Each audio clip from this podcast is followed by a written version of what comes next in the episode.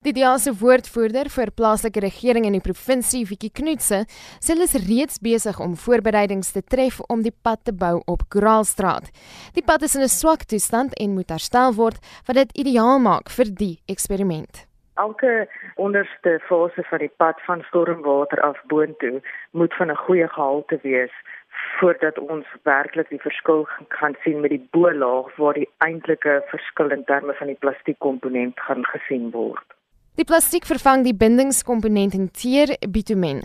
Dis 'n byproduk van olie wat wisselvallig is in prys en boonop dikwels nie beskikbaar is nie. 'n Pad van 1 km, soos wat nou beoog word, benodig minstens 1,8 miljoen plastieksakke, oftewel 1.5 ton verwerkte plastiek. Knutse sê op die oog af sal mens nie kan onderskei tussen 'n teer en plastiek oppervlak nie. 'n Fyn fyn stukkies plastiek in die ander twee produkte lyk amper soos hondekos.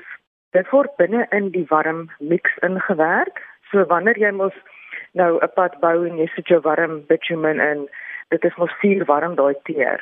So gaan die plastiek op 'n presies dieselfde manier in die mix in en hy kom ook swart aan die ander kant uit net soos 'n gewone teerpad. Die buitekontrakteur wat aan die idee gebyt het, gaan die pad vernuut bou vir die Kouga munisipaliteit. Sedert die aankondiging hiervan is bekommernis op sosiale media uitgespreek dat die plastiek gaan smelt weens die weer of protesoptrede. Knutse sê die paaie kan hoër temperature as tradisionele paaie weerstaan.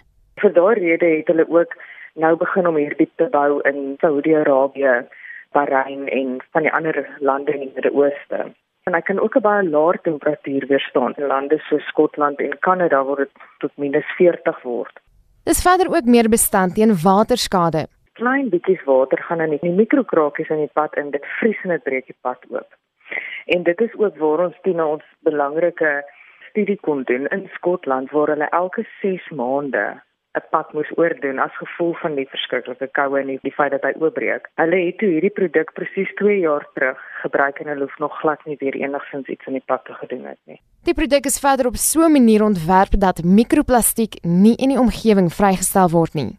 McReber wat die produk vervaardig, het deur verskillende toetse gegaan vir die laaste 2 tot 3 jaar om seker te maak dat hierdie produk geen maar geen leaching veroorsaak nie want hulle glo dat dit is absoluut nou die lewensiklus van plastiek beëindig.